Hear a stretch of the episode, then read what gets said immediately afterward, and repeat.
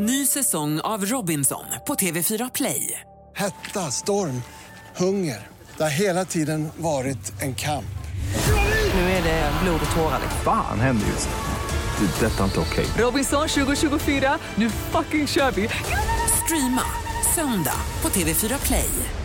Hej, det här är Madeleine Kilman och jag hoppar in för Lotta Bromé i den här sändningen av Halv tre med Lotta Bromé. Hej! Hej! Du, du har ju intervjuat så vansinnigt många människor. Det är ju allt från Nelson Mandela till Britney Spears, till Ingmar Bergman, till Carl Bildt. Nu ska jag intervjua dig. Mm. Hur ska jag då göra för att du ska känna dig välkommen och vilja prata med mig? Du ska hitta på frågor som jag inte har fått förr. Då ska vi se. Men vilken typ av intervjuer tycker du är roligast att göra? Är det de här superkändisarna eller är det de här, inom citationstecken, vanliga människorna som har kommit till dig i Malå efter tio och pratar om saker som de har varit med om? Det går inte att säga det faktiskt. Det är samtalets innehåll som är viktigast. Därför att eh, få människor som kan reflektera, som kan analysera så att det inte bara blir ett sånt där platt samtal. Kända människor och de, där kan man ibland känna igen vad de säger, att de har sagt det förr. Det är ju inte så kul utan man vill ju hitta liksom ett samtal där den man intervjuar tycker att det här var en ny tanke, det här var något nytt. Så det är ju det som, är, som jag lite grann söker och det är någon slags nyfikenhet i det. Det går inte att svara på det. När jag intervjuade Mandela, det är väldigt länge sedan, så sa alla det kommer aldrig gå att fråga honom om något privat. Och hans privata historia är liksom Sydafrikas svarta historia. Så det vill jag ju absolut göra om man suttit i fängelse i 27 år och skilts från sin ny, nygifta fru och sådana saker. Men eh, det gick och jag tror att hemligheten var att man inte tittar ner pappret på sina frågor utan man håller, nu är det tv, man håller ögonkontakt. Ja, det är tv mycket, att man liksom hela tiden fångar den här personen som mitt mentalt rum på något sätt. Vi sitter ju ganska långt ifrån. Ja det gör vi. Hallå där borta. Men jag tänker, jag har ju sett många, jag var mammaledig och då tittar jag ju på Malou efter tio varenda Ja. dag. Ja. Det är så många olika öden och historier du har fått höra. När jag bara säger så, är det något som du tänker på då som poppar upp liksom i minnet?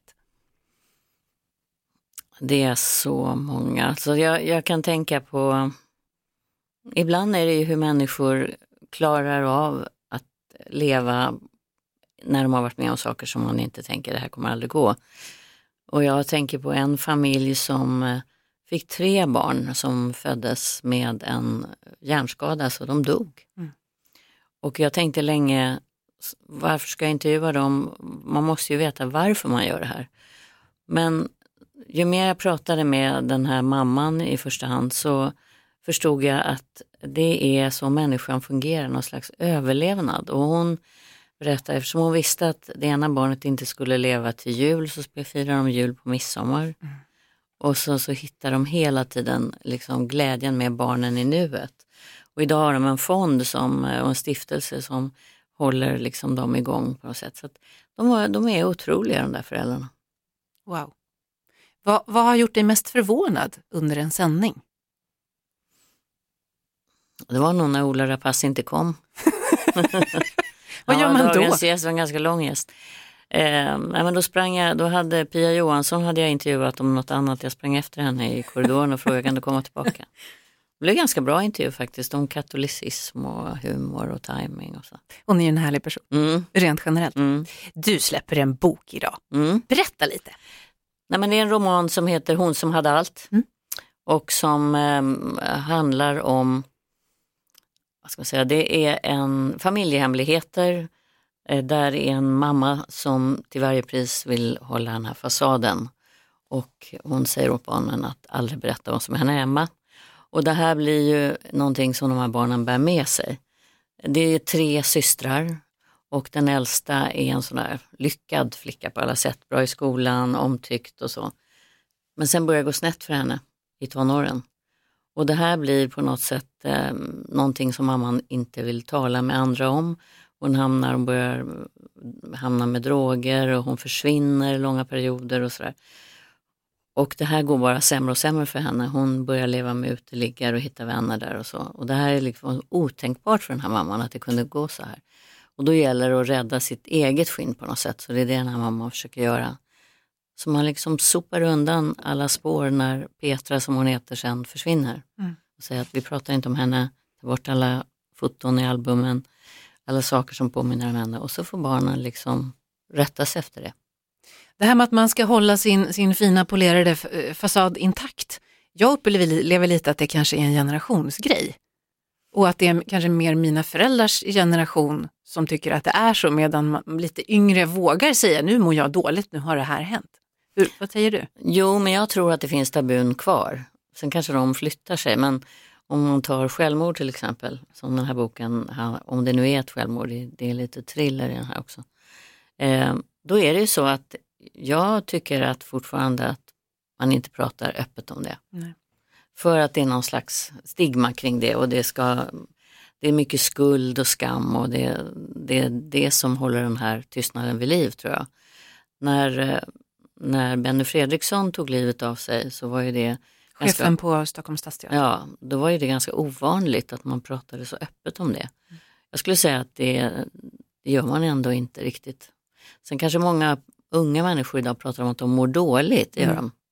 Men eh, familjer tror jag ändå försöker liksom dölja en del fortfarande. Den, den släpps idag. Ja, Firar du det på något sätt? Hur, hur gör man?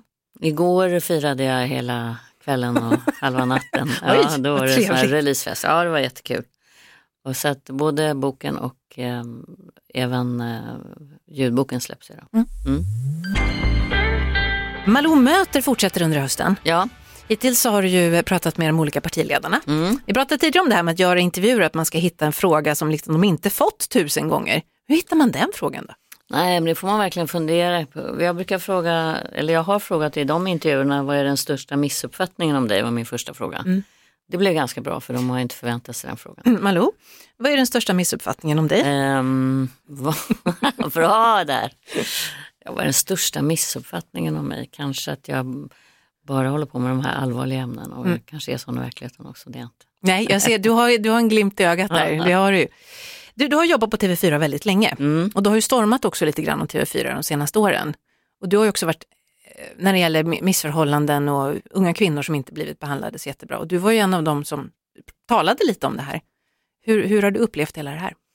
Nej, men det var ett gubbvälde verkligen när jag började och ehm, kompisars kompisar som startade kanalen och sådär och höll ihop.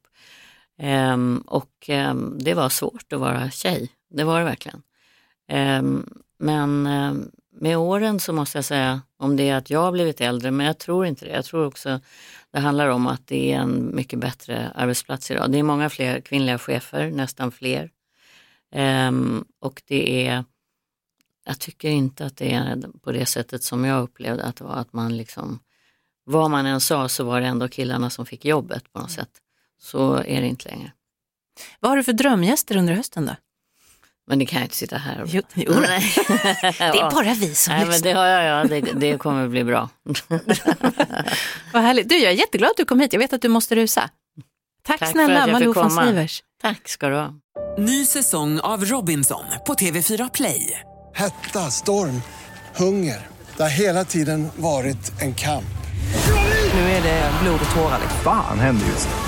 Det. är Detta inte okej. Robinson 2024, nu fucking kör vi! Streama söndag på TV4 Play.